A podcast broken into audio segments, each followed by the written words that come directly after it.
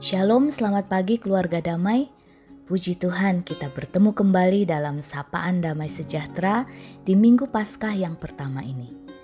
Tema renungan kita hari ini adalah hidup dalam kebangkitannya.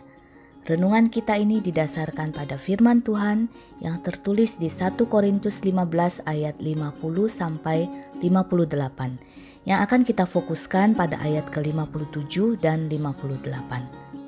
Demikianlah firman Tuhan. Tetapi syukur kepada Allah yang telah memberikan kepada kita kemenangan oleh Yesus Kristus Tuhan kita.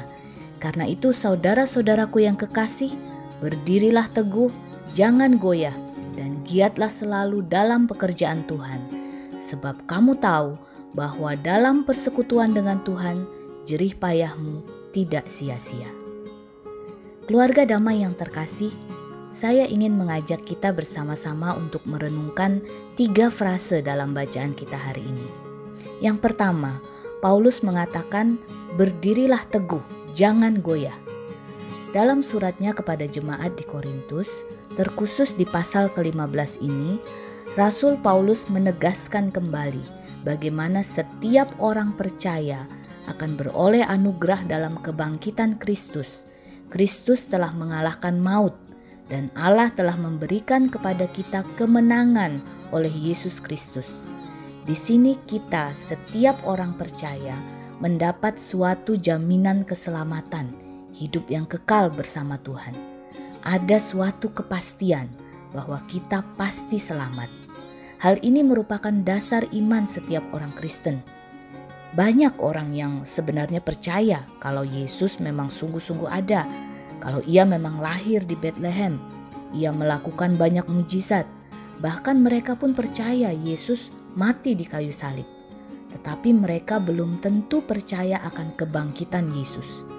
Mereka menganggap itu hanyalah cerita. Karena itulah pada pasal ini Rasul Paulus menegaskan kembali bahwa Kristus sungguh-sungguh bangkit dan di dalam kebangkitannya kita beroleh kemenangan. Karena itulah kita harus berdiri teguh, jangan mau digoyahkan oleh apa pun. Pada saat ini akan ada banyak ajaran sesat, ada banyak kesulitan, ada banyak perselisihan yang mungkin akan menggoyahkan iman kita. Namun hari ini kita diingatkan untuk berdiri teguh dalam iman kita kepada Kristus. Jangan berkompromi, jangan biarkan orang mengecilkan iman saudara. Dan ketika ada kesempatan, ceritakanlah tentang Yesus dan kasihnya. Yang kedua, dikatakan giatlah selalu dalam pekerjaan Tuhan. Ketika keselamatan itu sudah dianugerahkan kepada kita, maka sudah selayaknya lah kita mewujudkan rasa syukur kita dengan bergiat dalam pekerjaan Tuhan. Apa yang dimaksud dengan giat dalam pekerjaan Tuhan? Ini berarti bahwa apa pun yang kita kerjakan, dalam setiap aspek kehidupan kita, haruslah kita kerjakan selayaknya kita mengerjakannya untuk Tuhan. Baik itu dalam keluarga, dalam pekerjaan, dalam bermasyarakat, dan dalam bergereja. Setiap hari baru dalam kehidupan kita adalah kesempatan baru untuk berkarya bagi Tuhan. Tuhan tidak melihat besar kecilnya pelayanan kita tetapi Dia melihat kesungguhan hati kita dalam melayaninya. Bapak, ibu, saudara yang terkasih dalam Yesus, mungkin kita merasa tidak punya dan tidak mampu, tetapi Tuhan mengenal kita dan mengasihi kita apa adanya kita. Ia mengetahui ketidaksempurnaan kita, tetapi ketika kita menyerahkan hidup kita untuk dipakainya, Tuhan sendirilah yang akan menguatkan dan memampukan.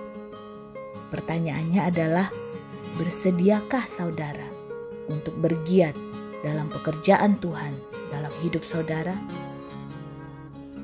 Yang ketiga, dikatakan, sebab kamu tahu bahwa dalam persekutuan dengan Tuhan, jerih payahmu tidak sia-sia.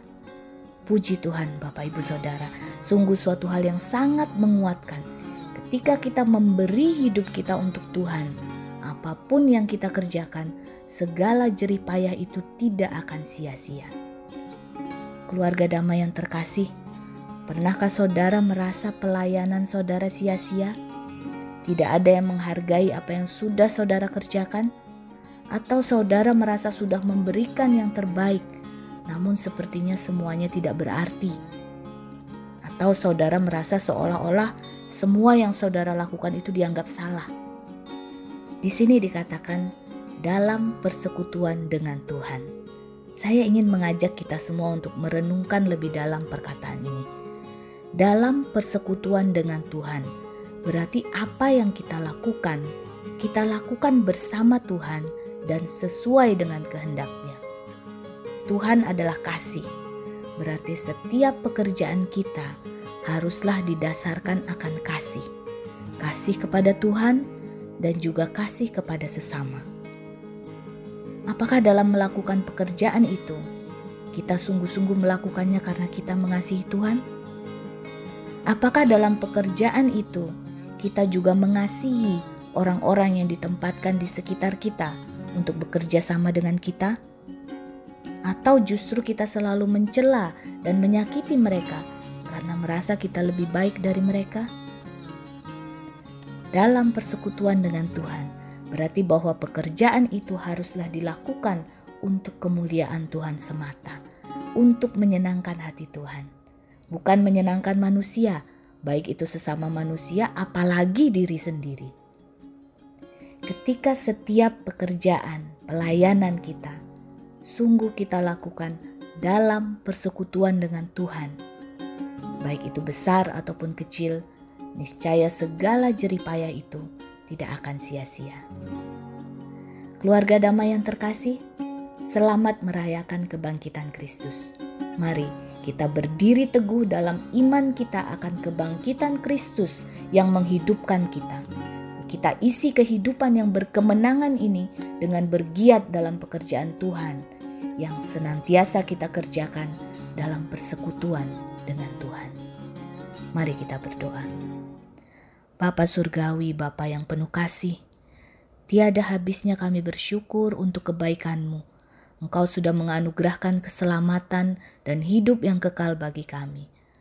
Ampuni kami Bapa, kalau dalam anugerahmu kami masih sering berkeluh kesah, kami berkompromi dengan dunia, dan kami tidak mau menceritakan akan Engkau kepada sesama kami. Ampuni kami, kalau kami masih mengerjakan pekerjaan Tuhan dengan separuh hati.